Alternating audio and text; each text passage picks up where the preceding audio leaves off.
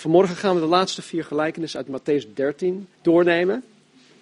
En zoals de gelijkenis van de mosterdzaad van vorige week geen uitleg kreeg, krijgen ook deze vier geen uitleg. Waar, ja, waardoor er helaas ook met deze gelijkenissen verschillende interpretaties zijn ontstaan. Nou, voor wat betreft de eerste drie van de vier van vanmorgen, zal ik net als vorige week de eerst, of eerst de algemene interpretatie voorleggen. Vervolgens zal ik mijn interpretatie met jullie delen. Dus laten we onze Bijbels openslaan op Matthäus 13 vanaf vers 33. Matthäus 13, vers 33. Een andere gelijkenis sprak Jezus tot hen. Het koninkrijk der hemelen is gelijk aan zuurdeeg dat een vrouw nam en in drie maten meel deed, totdat het helemaal doorzuurd was. Zuurdeeg. Wie gebruikt dat vandaag de dag nog?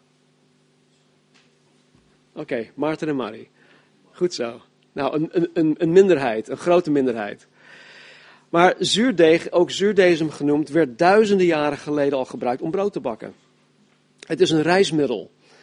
De werking van zuurdeeg is te vergelijken met de gist die vandaag de dag in de supermarkt, of misschien niet de supermarkt, maar wij halen het bij de Turkse winkel, dus bij de Turkse supermarkt te krijgen is. En als je vandaag de dag zelf brood wil bakken, dan kan je dat met behulp van gist vrij snel doen. De monkey bread die Marnie heeft gebakken, dat is gisteravond gedaan, in enkele uren tijd. Je hebt tegenwoordig ook uh, broodmachines die het bijna voor je doen, het brood bakken. Maar wanneer je brood wil bakken en je gebruikt zuurdesem als rijstmiddel, dan duurt dat veel langer. En ik bedoel echt veel langer. Je begint bijvoorbeeld op een maandag en je begint door een mengsel van zuurdeeg te maken. En dit laat je dan maandag, dinsdag, woensdag, donderdag tot vrijdag ongeveer op een warme plek staan. Af en toe voeg je er een beetje bloem toe of wat water. Eén keer per dag roer je het een beetje. Maar voor de rest laat je het gewoon met rust. Het moet verzuren, oftewel het moet bederven. Het moet bederven. Nou, afhankelijk van de omstandigheden, luchtvochtigheid, uh, dat soort dingen, aantal, aantal micro-organismen in de, in de lucht enzovoort enzovoort. Afhankelijk van die omstandigheden zou je vrijdagmiddag een verzuurd klomp deegmengsel hebben, waarbij je vervolgens wat water toevoegt, meer bloem. En dit mengsel ga je vervolgens mengen en kneden. Je strooit er net zoveel bloem op of bij, totdat het deeg niet meer plakt. Nou, vervolgens haal je van, van, van dat klomp deeg een stukje af. En dat plaats je in een aparte kom. Je houdt dat stukje dus apart. Nou, de rest van, van het deeg dek je af om het te laten rijzen tot de volgende dag. En daarmee bak je het brood. Nou, als je daarna, na dat eerste brood, weer een brood wil bakken, hoef je dus niet weer bijna een week te wachten. Want je had, als je het goed hebt gedaan, een stukje van dat gezuurde deeg apart gehouden. Toch? Nou, het mooie van zuurdeeg is dat je het opnieuw kan gebruiken. Als je eenmaal het zuurdeeg gemaakt hebt en als je een stukje apart gehouden hebt, dan is dat ene stukje voldoende om de volgende dag weer opnieuw brood te gaan bakken. En met dat ene stukje zuurdeeg kan je dus oneindig, dus eindeloos brood blijven bakken. Je hoeft niet meer opnieuw eerst een week te wachten. Dus, als je elke keer een stukje van het oude deeg, het oude zuurdeeg apart houdt, dan kan je elke dag opnieuw dat stukje zuurdeeg gebruiken om elke dag vers brood te bakken. Nou, bij het gebruik van zuurdeeg of zuurdezem werkt het gistingsproces dus op die manier. Het oud stuk verzuurde deeg dat je apart gehouden hebt, voeg je toe aan een nieuw klomp deeg dat niet verzuurd is. En op het moment dat dat kleine stukje zuurdeeg, uh, dat je dat toevoegt aan het nieuwe klomp deeg, gaat de zuurdezem te werk en binnen één dag is de hele klomp deeg verzuurd. Toch? Yes, oké. Nou, vandaar dat de apostel Paulus ook zegt in 1 Korinthe, weet u niet dat een klein beetje zuurdeeg het hele deeg doorzuurt? En dit is wat Jezus hier bedoelt met het koninkrijk der hemelen is gelijk aan zuurdeeg dat een vrouw nam en in drie maten meel deed totdat het helemaal doorzuurd was. Trouwens, ik, even ehm, drie maten meel. Dat is heel veel meel. Daarmee maak je hon, brood voor 150 mensen. Dus dat is op zich al een, een iets wat buitengewoon is in deze uh, gelijkenis. Nou, de meest gangbare uitleg van deze gelijkenis is dat het klein beetje zuurdeeg het prille begin van het door bemiddeling tot stand gebracht koninkrijk van God is. Het vertegenwoordigt het prille begin van het koninkrijk van God. En dat, en dat dit klein um, beetje zuurdeeg uiteindelijk de hele wereld zal gaan beïnvloeden, waardoor het koninkrijk van God zich over de gehele wereld zal verspreiden. Dat is de traditionele, de algemene um, uitleg van deze gelijkenis. Nou, ik zie in deze interpretatie een kern van waarheid. want het koninkrijk der hemelen wordt inderdaad op alle continenten vertegenwoordigd. Op elk continent heeft God zijn kinderen geplaatst. Dus ja, het, het koninkrijk heeft zich inderdaad over de gehele wereld verspreid. Maar ik zie met deze interpretatie een aantal problemen, waardoor ik het ook anders zie. Omdat Jezus geen uitleg van deze gelijkenis geeft, ben ik persoonlijk als iemand die dit gaat uitdiepen, genoodzaakt om het idee van het zuurdeeg te definiëren aan de hand van hoe het elders in de Bijbel gedefinieerd wordt. Hoe het anders of hoe het elders in de Bijbel voorkomt. En zoals ik, vorige week, uh, zoals ik dat vorige week met de vogels deed. Nou, in Exodus 12, wat over een paar, een paar, maanden waarschijnlijk behandeld gaat worden op de donderdagavond. In Exodus 12 vertegenwoordigt zuurdeeg het oude leven. Het vertegenwoordigt het oude leven, oftewel de slavernij van Israël in Egypte. En in Matthäus 16, dus even verderop in, in het Evangelie, Matthäus 16, 6 en 12 zegt Jezus dit. Kijk uit en wees op uw hoede voor het zuurdeeg van de Fariseeën en de Sadduceeën. En dan legt hij uit wat dat betekent. Hij zegt, het heeft te maken met het onderricht van de Fariseeën en de Sadduceeën. Dus het zuurdeeg van de Fariseeën en de Sadduceeën is hun onderricht, hun leer. Jezus waarschuwde zijn discipelen in dit stuk dus voor het zuurdeeg van valse leer. Ja? In Marcus 8, vers 15. Jezus gebood hen en zei, zijn discipelen, kijk uit, pas op voor het zuurdeeg van de fariseeën en voor het zuurdeeg van Herodes. Hier waarschuwde Jezus zijn discipelen nogmaals voor het zuurdeeg van valse leer en voor het zuurdeeg van het willen hebben van macht. Herodes Antipas, die destijds Herodes was in Judea, dat was echt zo'n zo'n iemand die, die gewoon macht wilde hebben en macht wilde uitoefenen over, boven, eh, over andere mensen. Dus hij zegt, let op, kijk uit, pas op voor het zuurdeeg van de Herodes. Lucas 12, vers 1. Jezus zei tot zijn discipelen, wees op uw hoede voor het zuurdeeg van de fariseeën. Het is huichelarij. Het zuurdeeg van de fariseeën noemt Jezus huichelarij. In 1 Korinthe hoofdstuk 5, het volgende vanaf vers 1 en 2 om mee te beginnen. Paulus zegt dit. Men hoort algemeen, of het is algemeen bekend, dat er hoererij onder u voorkomt. En wel zo'n vorm van hoererij, waarvan zelfs onder de heidenen geen sprake is. Namelijk dat iemand de vrouw van zijn vader heeft. He, dus iemand die slaapt gewoon met zijn stiefmoeder. En u, dus de gemeente in, in Korinthe, doet zich zo gewichtig voor. Kunt u niet beter treuren om dan hem die deze daad begaan heeft uit uw midden weg te doen? En dan verderop in vers 6. Uw roem is niet goed. Weet u niet dat een klein beetje zuurdeeg het hele deeg doorzuurt? Verwijder dan het oude zuurdeeg, opdat u een nieuw deeg zult zijn. U bent immers ongezuurd, want ook ons paaslam is voor ons geslacht, Christus. Laten wij dus feest vieren, niet met oud zuurdeeg, ook niet met zuurdeeg van slechtheid en boosaardigheid, maar met ongezuurde broden van oprechtheid en waarheid. Ik heb u geschreven in de brief dat u zich niet moet inlaten met ontuchtplegers Echter niet in het algemeen met ontuchtplegers van deze wereld, of met de hebzuchtigen, of rovers, of afgodendienaars, want dan zou u uit de wereld moeten gaan. dus Paulus zegt, ik wil niet dat je, dat je je niet bemoeit of geen omgang hebt met ontuchtplegers van de wereld. Maar dan zegt hij, nu heb ik u geschreven dat u zich niet moet inlaten met iemand die terwijl hij een broeder wordt genoemd, een ontuchtpleger is.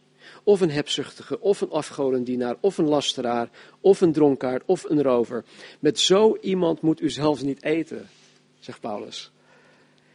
Zuurdeeg wordt in dit stuk, in 1 Korinthe, door de apostel Paulus gelijkgesteld aan zonde. Ja? Nou, in, in al deze voorbeelden waar ik heel snel doorheen ben gegaan, spreekt het zuurdeeg van iets dat slecht is. Iets, iets kwaadaardig, iets vals. En aan de hand van deze definitie kom ik tot de conclusie dat Jezus het in de gelijkenis van het zuurdeeg heeft over de verspreiding van het valse binnen het koninkrijk van God in de kerk.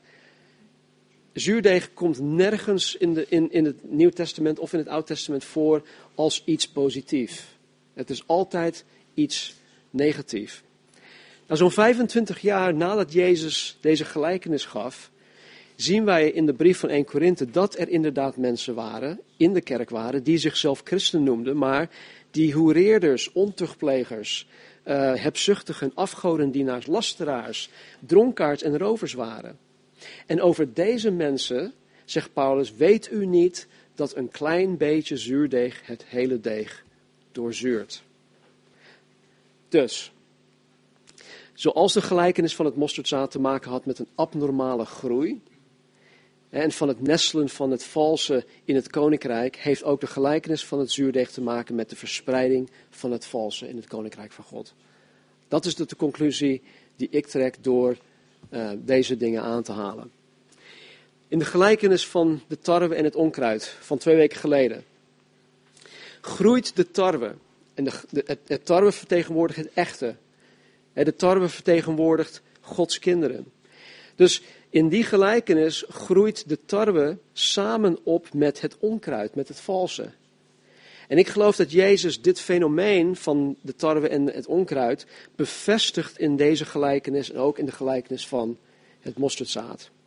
En ik weet niet hoeveel weken geleden dit, dat ik dit had gezegd, maar het, eh, ik zei dat uh, Matthäus hoofdstuk 13 voor mij persoonlijk een hoop verklaart. Dat het een aantal vragen voor mij gewoon beantwoordt. En dit verklaart voor mij waarom het 2000 jaar lang tussen aanhalingstekens rommelt in de kerk.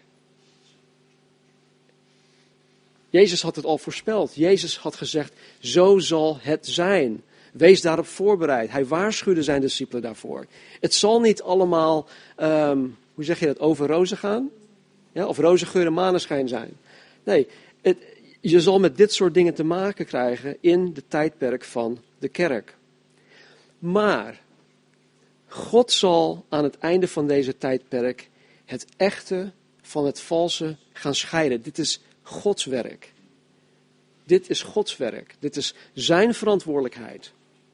En waar ik, waar, waar wij ons elke dag mee bezig horen te houden, is niet trachten het valse van het, het, het echte te onderscheiden en het valse te, na te jagen en dat soort dingen. Nee, wij horen ons elke dag bezig te houden met het zaaien van het woord van God in de wereld.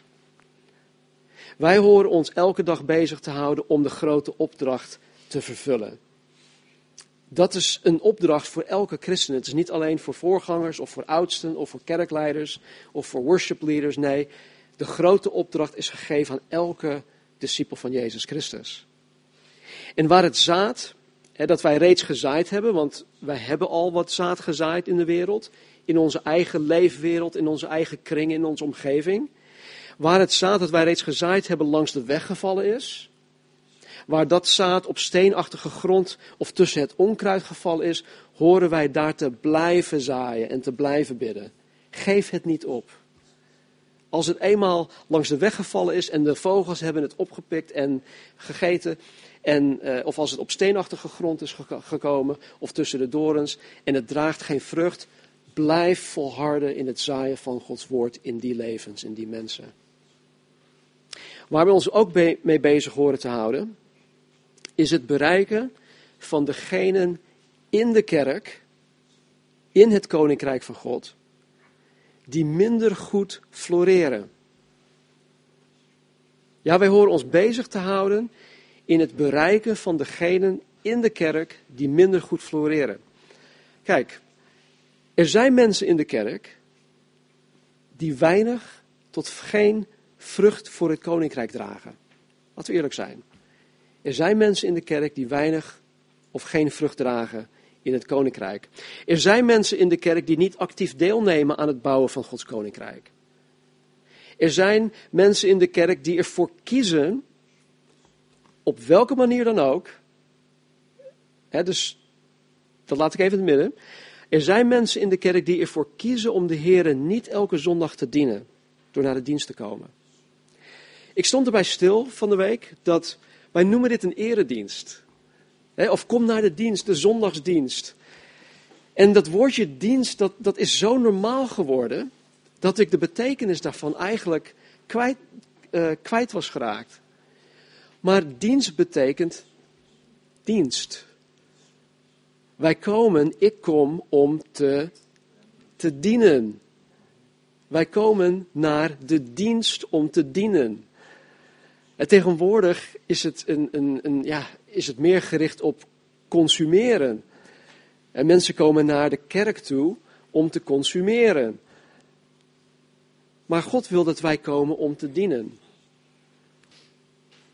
Mensen die ik net had omschreven, dit soort mensen, deze mensen horen wij te winnen. Wij horen hun te winnen. In deze mensen moeten wij blijven zaaien. Voor deze mensen en met deze mensen horen wij te, blijven, horen wij te blijven bidden. Weet je, persoonlijk, hè, en ik denk dat het ja, meer geldt voor degene die ik, die ik beter ken dan die ik niet ken, bijvoorbeeld mijn eigen gezin. Maar persoonlijk ben ik heel gauw geneigd om het bij deze mensen op te geven. Ik ben heel gauw geneigd om het op te geven. Want als zo'n persoon zich niet aan Gods woord onderwerpt, als God niet aanneemt wat er op zondag gedeeld wordt of wat wij met elkaar delen, dan heb ik zoiets. Weet je, ze zijn oud en wijs genoeg om de juiste keuze te maken. En als zij volharden in het blijven maken van foute keuze, zo so be it. Jammer dan. Dat is mijn vleeselijke, mijn menselijke neiging voor wat betreft dit soort mensen. Ook ben ik geneigd om te denken dat vooral mensen die al jarenlang meedraaien in het christendom beter, beter moeten weten. Ik denk vooral aan mijn eigen dochters. Die zijn met, met, met Jezus Christus opgevoed. Ze zijn opgevoed in de vrezen des Heren. We hebben urenlang, nou, dagenlang, wekenlang, jarenlang om tafel gezeten. Elke keer als we een maaltijd hadden, en dat was ontbijt, lunch en, en, en avondeten. Het was altijd een soort van uh, lichamelijke voeding, maar ook tegelijkertijd geestelijke voeding. Dus hier tussen mijn oren heb ik het idee, ze moeten beter weten. Waarom doen ze er niks mee? Ze horen beter te weten. En dan heb ik ze, weet je, ik heb al zoveel gezegd, ik heb al zoveel gedaan, ik heb al zoveel gebeden, ik heb al zoveel uh, tijd en energie erin gestoken. Laat maar. Maar God wil juist dat ik, dat jullie, dat wij investeren en blijven investeren, blijven zaaien, blijven bidden voor, voor mensen. Vooral voor mensen die niet in het koninkrijk floreren. Vers 34. Al deze dingen sprak Jezus tot de menigte door gelijkenissen en zonder gelijkenis sprak hij tot hen niet opdat vervuld zou worden wat gesproken is door de profeet toen hij zei: Ik zal mijn mond open doen met gelijkenissen. Ik zal over dingen spreken die verborgen waren vanaf de grondlegging van de wereld. Matthäus zegt hier dat Jezus zijn aanpak niet had aangepast. Weet je, wij hebben als mens zijnde hebben plan A. Als dat niet lukt of als dat fout gaat, dan horen we plan B te hebben. En als dat niet goed gaat, dan horen we, als we het heel goed doen, ook nog eens een plan C te hebben. Weet je, en God, God is niet zo. Dit is niet plan B voor Jezus. Hij heeft zijn methode, zijn aanpak niet aangepast. Want God heeft het reeds voorspeld dat Jezus door middel van gelijkenissen tot de menigte zou spreken. Dat staat hier. Dat haalt hij uit uh, Psalm 78, denk ik. Hier zien we dus nogmaals dat de periode tussen de eerste komst van Jezus, met, zeg maar met de kerst, de geboorte van Jezus, de eerste komst van Jezus, de periode tussen de eerste komst en de wederkomst van Jezus, dat die periode vanaf de grondlegging van de wereld verborgen was. Het was voor iedereen verborgen, zelfs de oud-testamentische profeten. Het werd niet bekendgemaakt, het werd niet geopenbaard. In Marcus 4, vers 34 staat dat Jezus al alles aan zijn discipelen verklaarde wanneer ze alleen waren. dus hij nam hen altijd apart en zegt van luister, ik wil iets met jullie delen. Ik wil, ik wil het jullie uitleggen. En nogmaals, wat er dan in Matthäus 13, vers 11 staat, dat het aan de ware de discipelen gegeven is om de geheimenissen van het Koninkrijk der Hemelen te kennen. Het is aan hen gegeven. Ja, nu naar vers 44. Want we hadden de uitleg van de andere gelijkenis al met elkaar doorgenomen.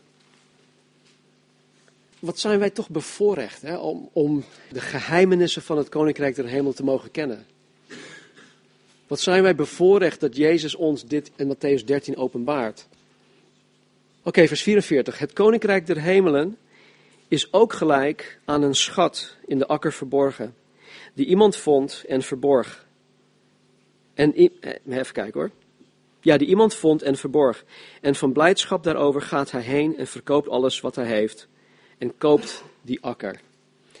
Nou, in die tijd was het gebruikelijk dat men hun waardevolle bezittingen, zoals een schat in dit, dit voorbeeld, in de grond begroeven. Weet jullie nog dat uh, toen Israël met Jozua, uh, nadat zij Jericho hadden verslaan, toen gingen ze naar eh, AI toe. En toen had een zekere, hoe heet die man in het Nederlands? Agan? Nee. A? Nee. Anyway, een van die gasten die had, uh, die had iets meegenomen. en wat deed, wat deed hij ermee? Hij had het onder zijn, onder zijn tent begraven. Daar was het veilig. Maar goed, dat is dus gebruikelijk uh, in die tijd om dingen te gaan begraven. Ze hadden geen bank, ze hadden geen safe deposit boxes en dat soort dingen. En het kwam wel eens voor dat iemand zoiets aantrof.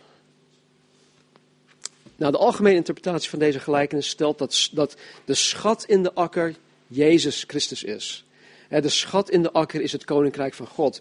En dat wanneer een mens het vindt, hij of zij er alles voor over heeft om het te bemachtigen.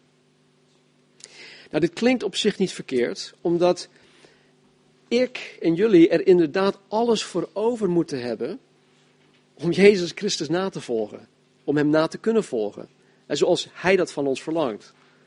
Maar er zijn een aantal problemen met deze interpretatie. Ten eerste is Jezus geen verborgen schat. Wisten jullie dat Jezus de meest bekende persoon is die ooit geleefd heeft?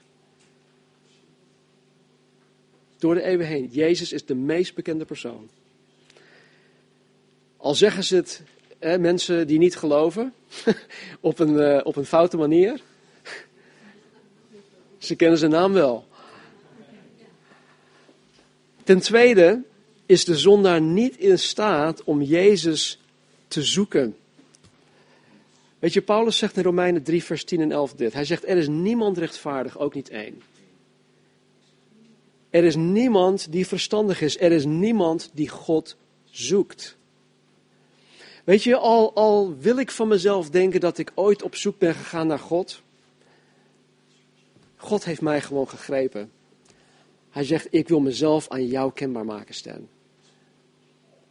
En natuurlijk is het een samenspel tussen Gods uh, keus om mij te kiezen en mijn medewerking daarin, mijn samenwerking daarin.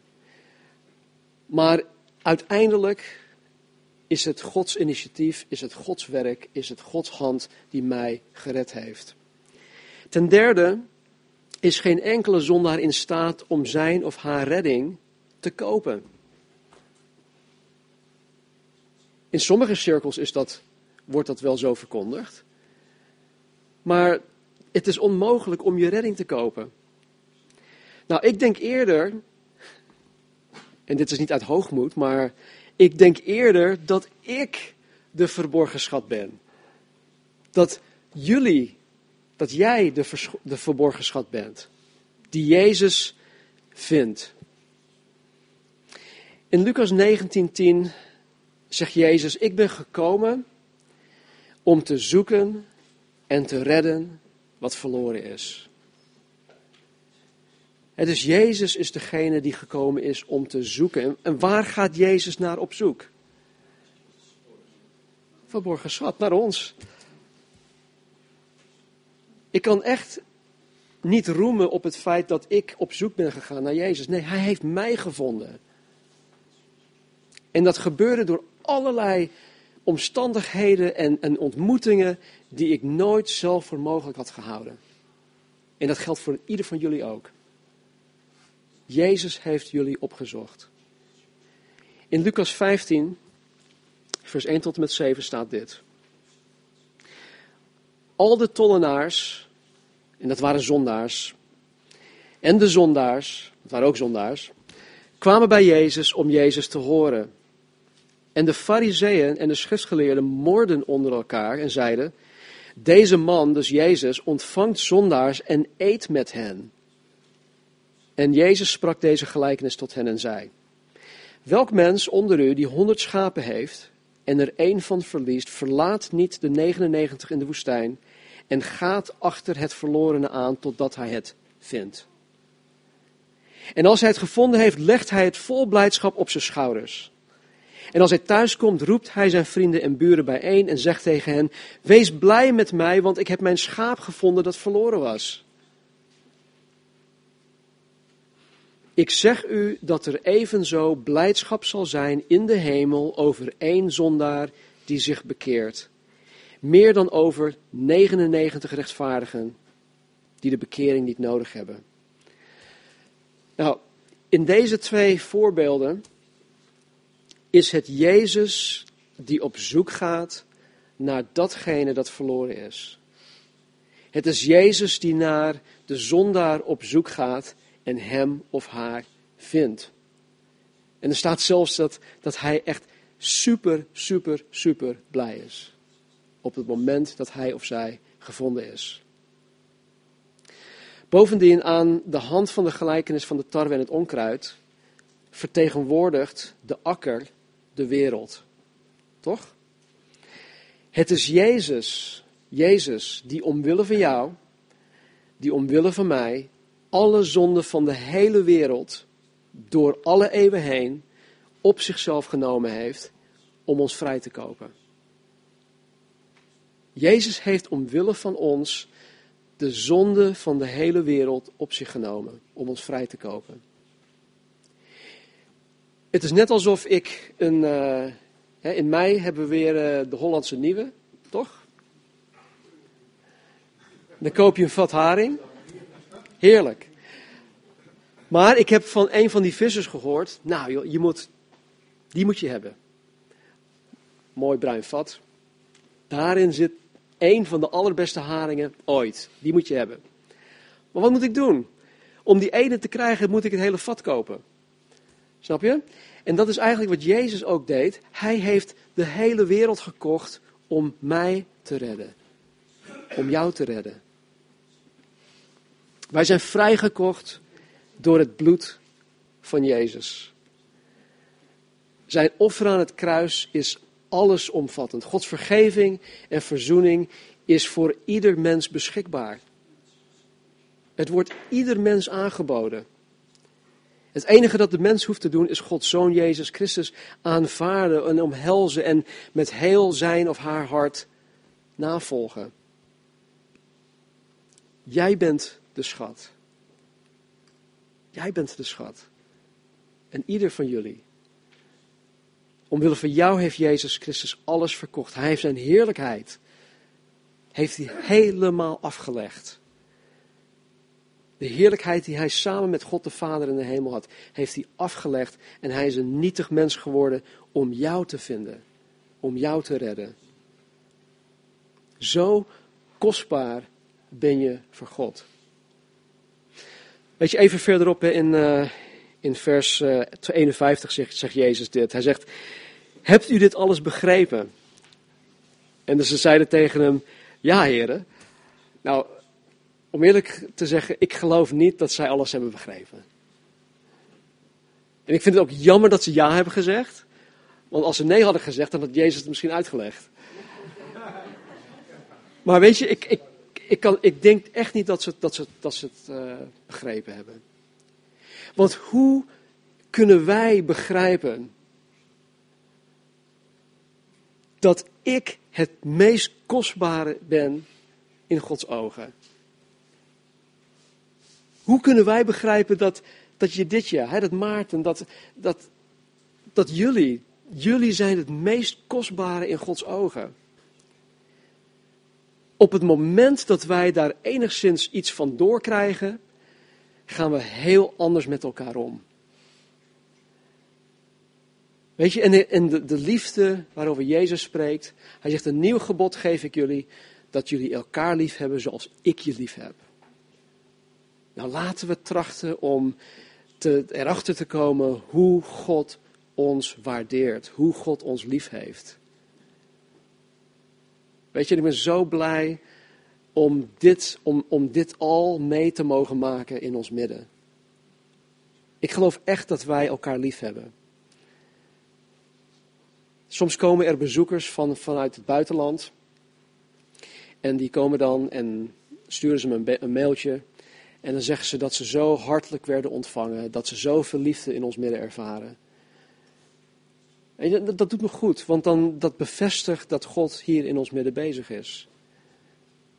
En dat is gewoon mooi. Zo kostbaar ben je voor God. Vers 45, 46. Oké, daar sluit ik mee af. Um, ook is het koninkrijk der hemelen gelijk aan een koopman die mooie parels zoekt. Toen hij één parel van grote waarde gevonden had, ging hij heen en verkocht alles wat hij had. En hij kocht hem. In deze gelijkenis wordt door de mainstream theologen gezegd dat Jezus de kostbare parel is en dat de zondaar hem vindt. Maar goed, om dezelfde redenen als bij de gelijkenis van de schat verborgen in de akker, kan ik me hier niet in vinden. In die tijd waren parels net zo kostbaar en gewild als diamanten nu uh, kostbaar en gewild zijn. En de parel dat hier gevonden werd, had een gigantisch grote waarde. Het was gelijk aan het meest kostbare dat er op dat moment was. En nogmaals, zo ziet God jou. Zo ziet God mij. Uit alles. Probeer dit door te laten dringen. Uit alles dat God geschapen heeft. Het gehele universum. Ben jij het meest kostbare voor God? Ik kan daar niet bij. Ik ken mezelf. Ik ken jullie ook. Ik kan, ik kan er niet bij. Nee, dat is flauw. Jij bent het meest kostbare voor God. Zo kostbaar. Dat Hij zijn zoon Jezus Christus naar de aarde toe gezonden heeft. Om jou op te zoeken. Om jou te redden. Om jouw hart te veroveren. Hij wil je hart veroveren. Hij wil geen religie. Hij wil geen regels en wetten. Hij wil je hart veroveren. En hij wil dat je uit liefde voor hem hem dient. Op vrijwillige basis. Niet met tegenzin of uit dwang. Want God heeft een blijmoedige gever en dienaar en dienstknecht lief. Nou, ik zou zeggen, spring vanmorgen in het diepe. Probeer het. Als je het nooit eerder hebt gedaan. Of als je dat ooit misschien hebt gedaan en, en dacht van, oh nee, ik spring die. En dat je meteen weer terug naar de kant toe zwemt. Spring in het diepe. Geloof met heel je hart dat Jezus jou in alles tegemoet zal komen. Maakt niet uit in welke situatie je op dit moment zit. Laat alles los waar je vanmorgen aan vastklampt. Alles. En geef jezelf geheel over aan Hem. Als jij, als u, zorgvuldig omgaat met jouw meest kostbaar bezit. Hè, voor sommigen van ons is dat een iPhone. Denk even hoe je omgaat met je iPhone. Of met je smartphone, sorry. Als jij zorgvuldig omgaat met je meest kostbaar bezit, hoeveel meer zorgvuldig zal de schepper van hemel en aarde met jou omgaan? Je bent Gods meest kostbaar bezit. En God heeft alleen het allerbeste voor jou voor ogen. Dus laat los. Wees echt. En God zal het doen. Laten we bidden. O Heer, dank u wel dat u zo ver bent gegaan om een search and rescue team hier samen te stellen. De twaalf discipelen. Dank u wel, Heer, dat door de eeuwen heen, door de millennia heen, het evangelie tot mij, tot ons is gekomen. En dat u, Heere, nog steeds mensen zoekt en mensen redt. Dank u wel daarvoor. En dank u wel, Heer, dat wij het meest kostbare zijn in uw ogen. Help ons om van dat feit doordrongen te worden. Help ons om onszelf zo te zien. Help ons om elkaar zo te zien. We bidden dat, we bidden dat in uw naam, in Jezus' naam. Amen. Amen. Oké, ehm, ik wilde eigenlijk ehm, tot en met 52 afmaken. Dat gaan wij volgende week doen. En ik denk dat wij volgende week dan gewoon, ik hoop, hoofdstuk 13 afmaken. Ja? Laten we gaan staan. Ik zal vanmorgen een zegenbede voorlezen van Sint Patrick. De Heer is voor u om u de juiste weg te wijzen. De Heer is achter u om u in de armen te sluiten. De Heer is onder u om u op te vangen wanneer u dreigt te vallen. De Heer is in u om u te troosten. De Heer omgeeft u als een beschermende muur wanneer anderen over u vallen. De Heer is boven u om u te zegenen. Zo zegene u God vandaag, morgen en tot in de eeuwen der eeuwen. Sint Patrick. God zegen jullie.